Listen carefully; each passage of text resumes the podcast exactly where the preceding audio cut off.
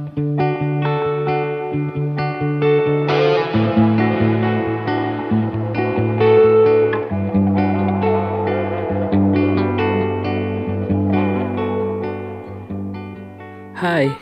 balik lagi bareng gue Oki di Journey of Runaway Sebuah podcast yang nyeritain perjalanan hidup dan segala cerita di dalamnya Mulai dari Garut hingga Amerika. Makasih ya, udah mau dan masih dengerin ocehan gue ini Gue cuma pengen ngebagi cerita yang gue alamin Dan semoga gue bisa nemenin kalian dengan cerita-cerita gue ini Cause everything is possible after all Right? Oh, the wind in my head, it sings my song. To be one,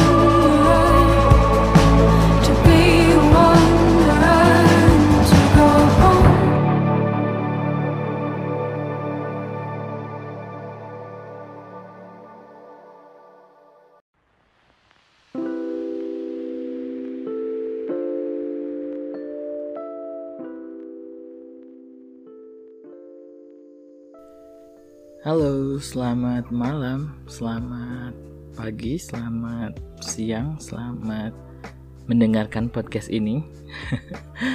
Eh, hari ini kembali cerah di sini. Udah mungkin udah mulai musim semi ya. Udah nggak dingin-dingin banget juga. Eh, tumbuh-tumbuhan udah mulai tumbuh lagi, sudah kelihatan warna-warna hijau tumbuh. Ya dan it was a beautiful day today eh sebenarnya podcast kali ini tuh harusnya nyeritain tentang perjalanan gue berikutnya. Tapi semalam tuh gue lupa nonton apa. Kayak di Netflix gitu deh kalau nggak salah.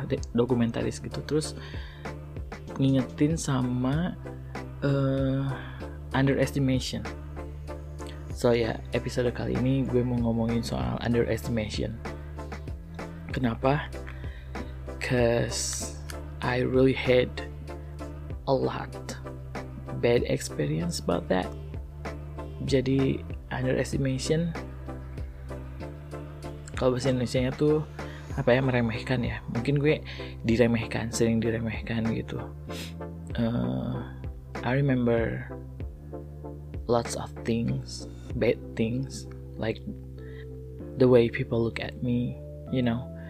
Uh, the way people talk to me or even the way they love at me you know when they loving. So karena kan kita suka ngerasa ya kalau ada orang yang eh, gimana pas first impression gitu loh pas kita ketemu orang terus kita bisa ngeliat kan dari tatapannya kayak eh, ngejudge kita kayak gimana gitu. Ada yang memang ramah ada yang kayak eh, apa ya ngebaca diri kita kayak gimana gitu. And gue cukup tahu diri sih gue cukup sadar diri juga. You know so dari kecil gue ngerasa gue baik-baik aja. Which is sampai sekarang juga gue ngerasa gue baik-baik aja kayak manusia-manusia pada umumnya gitu. Cuman lingkungan sekitar gue ngetreat gue kayak gue tuh not normal. They treat me differently. And then since I since I remember dari kecil gue selalu nanya di ke diri gue sendiri kayak what's wrong with me? Why he can do this but I cannot? Why she can do this but I cannot? Or why I can do this but they, they but they cannot do that? You know that kind of question. And then tumbuh gue tumbuh gue tumbuh dan you know itu semakin jelas kan. Kayak is is there something wrong with me with myself?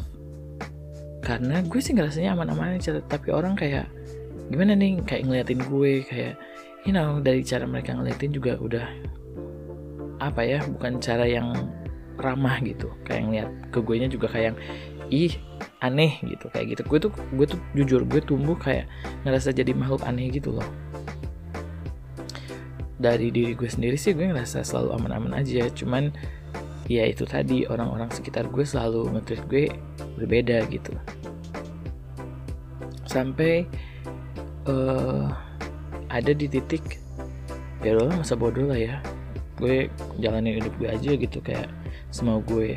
Dan ada banyak momen-momen yang bikin gue apa ya kayak memelas memelas buat diri gue sendiri kayak yang ayo dong oke lu bisa gitu untuk ngelewatin masa-masa ini gitu. Uh, jadi gue tuh tahu kalau gue at at the end ya at the end pada akhirnya gue tahu bahwa oke okay, gue terima deh that I am different tapi orang tuh ternyata tidak semudah itu ya menerima perbedaan itu dan gue tuh selalu harus berusaha dua tiga kali lipat dari orang-orang biasa dari orang-orang lainnya mungkin. I'm not that good looking you know? Jadi orang yang ganteng orang yang cantik itu berusahanya mungkin 100% dan gue harus 200 300 400% untuk mendapatkan hasil yang sama atau untuk dilihat sama orang untuk you know get uh, attention. Terus apalagi ya? Secara fisik pun uh, ya gue bukan termasuk orang yang uh, mudah untuk diterima orang mungkin. Terus secara uh, tone suara gue lebih kedenger kayak perempuan. Karena dari kecil sampai gue SMA malah. Atau sampai sekarang deh. Oke dari kecil sampai waktu gue masih di uh, Garut tiap ada telepon ke rumah pasti langsung nanya neng ibunya ada Oke, okay, itu dari kecil sampai gue gede. Dan terakhir tuh gue ngalamin hal kayak gitu di sini di Amerika beberapa bulan lalu kayaknya. Gue untuk pertama kalinya memberanikan diri untuk order makanan via drive-thru. Kalau kita drive-thru kan kita ngomong ke speaker kan. Di speaker ada orangnya terus kita ngomong oh, gue pesan ini ini gitu. Terus orangnya ngomong uh, is there anything for you ma'am gitu. Ma'am? Dang. But but it's okay. Gue terima kok karena itu sesuatu yang nggak bisa gue uh, rubah kayaknya. Nggak bisa karena mau gimana lagi you know this is what it is so I'm okay with it. Terus uh, wajah gue juga yang uh, lebih ini orang-orang bilang ya kayak lebih uh, cantik untuk ukuran laki-laki. Dan itu juga hal yang nggak bisa gue rubah karena gimana? Harus komplain ke siapa? Harus komplain ke Tuhan kan? Dan itu kayak jadi nggak bersyukur ujung-ujungnya gitu. Jadi ya ya sudah terima saja. Atau orang-orang treat me like that way so just let them do that. I try not to care about that sometimes but sometimes kalau lagi moodnya jelek ada orang gimana tuh langsung kena dan it's ruin my mood whole day. Biasanya kayak gitu.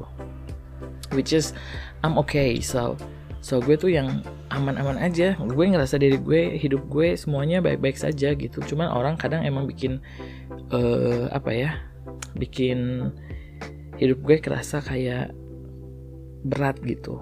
Which is berat tapi lebih berat mungkin kalau orang bikin apa orang-orang bikinnya jadi lebih berat kayak gitu. Oke okay. terus uh, ya itu gue ngerasa gue harus uh, berusaha lebih karena diri gue seperti ini dan karena gue mungkin tidak punya seperti uh, kenalan orang dalam lah atau orang-orang yang akan membantu uh, apa ya melewati proses-proses itu gitu. Terus gue inget ya momen di interview waktu ke potluck itu. Orang Indonesia kan gitu ya tipenya kalau di depan kan baik-baik aja tapi di belakang kan mereka gue dan gue yakin banget mereka pasti ngomong ah bukan orang Indonesia sih manusia begitu kan ya sifatnya. Jadi waktu itu interview gue dan sama owner sama ada orang ya gue nggak ngerti itu siapa cuman gue di interview sama dua orang laki-laki dan perempuan dan mereka baik baik banget gitu. Cuman pas akhirnya gue keterima terus gue kerja di sana gue ngedengar bahwa setelah gue pergi dari interview itu mereka langsung ngetawain gitu kayak uh, bilang ke karyawan-karyawan yang laki-laki bahwa eh kalian harus hati-hati ya. Nanti akan ada uh, orang yang begini begini begini gitu. let's say mungkin mereka pikir bakal nanti bakal ada homo yang masuk sini gitu. It hurt me. It hurts so bad but gue nggak bisa menstop orang untuk ngomong apa pun kan. Terus ada satu momen yang bikin gue ngerasa anjing gue emang se setidak mampu itu kelihatan sama orangnya gitu. Jadi waktu itu gue 2000 tahun 2000 berapa 2011 tahun pertama gue masuk di kapal. Kan kalau kerja di kitchen semuanya laki-laki kan? I mean majority kayak ceweknya tuh ceweknya paling beberapa orang. Itu pun ditaruhnya di cold kitchen bukan yang di hot kitchennya. Jadi kalau di hot kitchen tuh pasti laki-laki semua. Dan gue masuk terus ya which is gue biasa aja. Terus gue masih inget jadi ada orang Indonesia dia mau ngangkat sup. Supnya tuh di panci yang gede banget. Mau ngangkat si sup itu ke meja. Dan gue tuh berdiri di sebelahnya dia. Terus dia tuh kayak celingukan gitu nih nyari orang gitu. Terus gue bilang e, mas mau dibantuin? gitu. Terus si si uh, orang itu langsung ngeliat ke gue dan eh tapi ini berat loh mas. Saya mau angkat ini ke sini gitu. Oh ya udah saya bisa kok. Ya karena gue tahu gue bisa kan. Jadi ya udah sini gue bantuin gitu. Dan si itunya si orangnya langsung bilang enggak enggak mas ini berat dan ini panas gitu. Hah? Terus gue yang iya bisa kok gue bilang gitu. Beneran ya mas? Ya bisa ya? Gitu. Tuhan gue harus diyakinin sebegitu beratnya sebegitu kerasnya gue harus ngeyakinin orang bahwa gue bisa buat ngelakuin hal itu gitu. Akhirnya gue lakuin gue bantuin dia dan bisa. Men cuma ngangkat gitu doang gitu udah nih selesai. Tiap gue ke mana tiap gue misalnya masuk ke kitchen atau ke pastry atau ke uh, appetizer atau ke you know another department just untuk minta misalnya apa kayak ingredient kayak gitu mereka tuh pasti mem memperlakukan gue kayak uh, gue tuh seorang perempuan atau mungkin seorang homo. Mereka bakal kayak eh oke okay, om apa ke sini gitu kayak kayak gitu. Dan man trust me gue ngerasain itu dari gue lahir mungkin ya gue dari kecil sampai detik ini gue masih ngerasain sampai bebal tapi udah biasa tapi anehnya tuh masih sakit gitu. Masih sakit aja gue ngerasain hal itu. Karena kan harusnya ya kalau gue ngalamin itu dari kecil harusnya gue udah biasa aja dong sekarang. Tapi ternyata emang nggak segampang itu ya buat uh, apa ya ngadepin orang-orang kayak begitu gitu. Jadi karena banyak dan sering banget gue ngalamin hal begitu jadi sekarang tiap ada apa ya let's say interview atau ketemu orang baru gue harus ngomong lebih banyak gue harus berusaha lebih banyak gue harus berusaha lebih keras ngeyakinin orang itu bahwa gue mampu gue bisa kayak gitu gue inget 2011 masih tahun pertama gue masuk ke Carnival masuk ke, kerja di kapal pesiar. Asli itu tahun paling keras buat gue. Tahun paling menyebalkan. Tapi ya harus dihadapi ya. Dan turns out make me stronger. Jadi waktu itu ada ini ya ada uh, namanya chef table. Jadi di sana tuh uh, kita cuman nge-serve berapa ya? 12 tamu tapi itu beneran orang-orang spesial gitu dan ada tim khususnya terus ada langsung kerja sama eksekutif chefnya kayak kayak gitulah. Dan gue tuh masuk ke situ. Ya karena diajakin maksudnya ditawarin kan mau nggak masuk ke situ gitu? Ya mau lah secara dapat duit tambahan terus emang kerjanya lebih keras juga sih lebih panjang tapi you know buat pengalaman let's go gitu. Dan itu pas mau masuk ke situ jadi kan ada tim khususnya gitu terus ada eksekutif chefnya terus ada beberapa cook yang lain. Terus gue kayak di presence gitu sama si sama supervisor gue kayak ini loh yang akan masuk ke chef table gitu. Terus mereka ngelihat kayak hah? Are you sure? Yang kayak gitu you sure you can work with us? You can work like this like that. And I was young and kind of naive I was just smiling and said yeah I can I said. But then gue tahu mereka nggak percaya gitu tapi gue nggak ada pilihan selain hadepin buktiin gitu. Dan gue bertahan di situ sampai akhir kontrak dan malah akhirnya setiap kontrak selama 5 6 5 tahun selama lima tahun gue selalu kerja di chef table itu. Berganti tim berganti kapal berganti orang tapi gue selalu masuk di situ. Buat gue mungkin kalau buat orang lain hanya bisa sambil ngomong iya saya bisa. Mungkin begitu aja udah cukup. Tapi buat gue harus iya saya bisa. Bisa banget eh, mau dibuktikan saya bisa kok dites dan langsung dites gitu. Itu itu jadi jadi kayak cara gue ngebuktiin ke orang bahwa gue bisa bekerja seperti begitu hmm, tapi memang mesti begitu jalannya kali ya untuk ngebuat diri gue lebih kuat. Karena mungkin kalau tidak melewati hal-hal seperti itu mungkin gue bakal sama aja kayak oke yang dulu. Atau mungkin ya memang tidak ada perkembangan gitu. Cuman yang gue rasain karena banyak melewati hal-hal seperti itu itu kayak bikin gue tertantang buat proving that those people were wrong. And I am right because I know I can do it and do more than what they expected. So jadi gue nya yang ke push kayak dikasih challenge aja gitu untuk ngebuktiin kalau gue mampu. Dan gongnya itu pas yang akhirnya gue bisa ke Amerika. Itu untuk orang-orang yang sebelum karnival ya.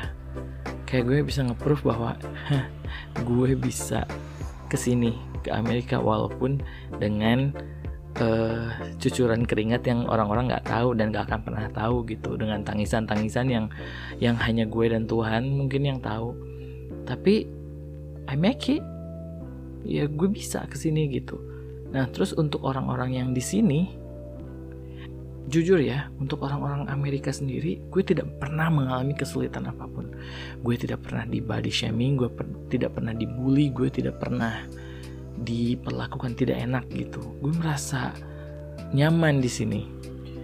Justru sama orang-orang Indonesia gue digituin. Sama orang Indonesia yang di sini juga orang Indonesia yang di Amerika juga tetap aja tabiatnya tabiat orang Indonesia sama orang-orang lain ya orang dari negara lain selain orang Amerika kayak dari Filipina, India, terus dari mana lagi ya? Thailand.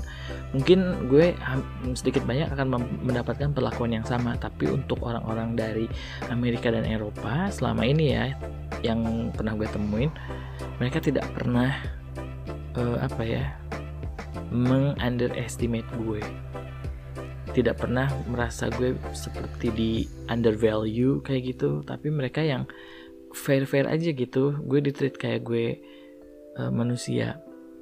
Nah kalau untuk hal yang di uh, underestimate kayak gitu, gue sekarang jadi udah terbiasa dan malah suka aja gitu ngebuktiin ke orang itu kalau mereka salah dan gue benar gitu. Gue bisa uh, apa ya membuktikan kalau gue bisa melakukan hal yang dia kira gue nggak mampu gitu. Nah uh, hal-hal kayak gitu karena udah sering banget jadi uh, ngebentuk diri gue yang sekarang uh, jadi tidak mudah menyerah.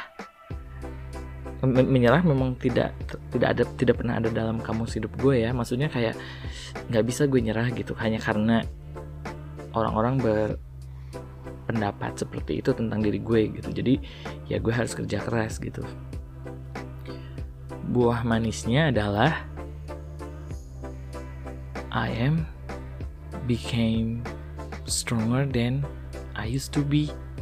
Gue jadi orang yang lebih kuat dibanding Oki versi yang dulu gitu.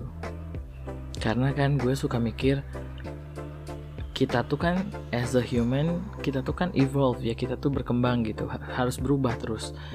Uh, jadi setidaknya nih gue yang sekarang tuh lebih baik dibanding gue yang tahun lalu gitu. Dan gue sekarang ngerasa kayak gitu. Dan jadi mikir bahwa sesuatu yang buruk di masa lalu itu tidak terjadi begitu saja gitu. Jadi memang gue tuh merasa bersyukur sekali sekarang ngerasa kayak Tuhan tuh bener-bener apa ya nolongin gue banget deh. Tuhan tuh nunjukin jalannya tuh kayak gue tuh kayak diarahin aja gitu jalan ke sini jalannya gitu. Terus melewati hal-hal yang kayak gitu tuh bukan hanya sekedar untuk dilewati begitu saja tapi memang jadi ngaca diri jadi belajar gitu bahwa gue percaya bahwa eh, kepedihan hari ini tuh bakal nggak seberapa dengan kepedihan yang akan datang. Begitupun dengan kadonya gitu dengan kebahagiaan hari ini tuh pasti diganti dengan hal yang lebih bahagia lagi di hari berikutnya gitu. Gue tuh jadi orang yang apa ya yang mengerti banget tentang kehidupan yang bisa uh, apa ya makanya gue sering nulis kalau di apa ya kalau di catatan harian gue bahwa menjadi tua itu sangat menyenangkan ternyata gitu iya menyenangkan karena gue kayak ngerasa lebih uh, wise gitu lebih bijak ke diri gue sendiri maupun ke orang lain gitu. Uh, jadi lebih tidak berapi-api ya berapi-api. Sebelumnya kan kayak emosinya lebih tinggi gitu dibanding actionnya. Kalau sekarang lebih ke action aja dulu deh gitu emosinya nanti aja gitu.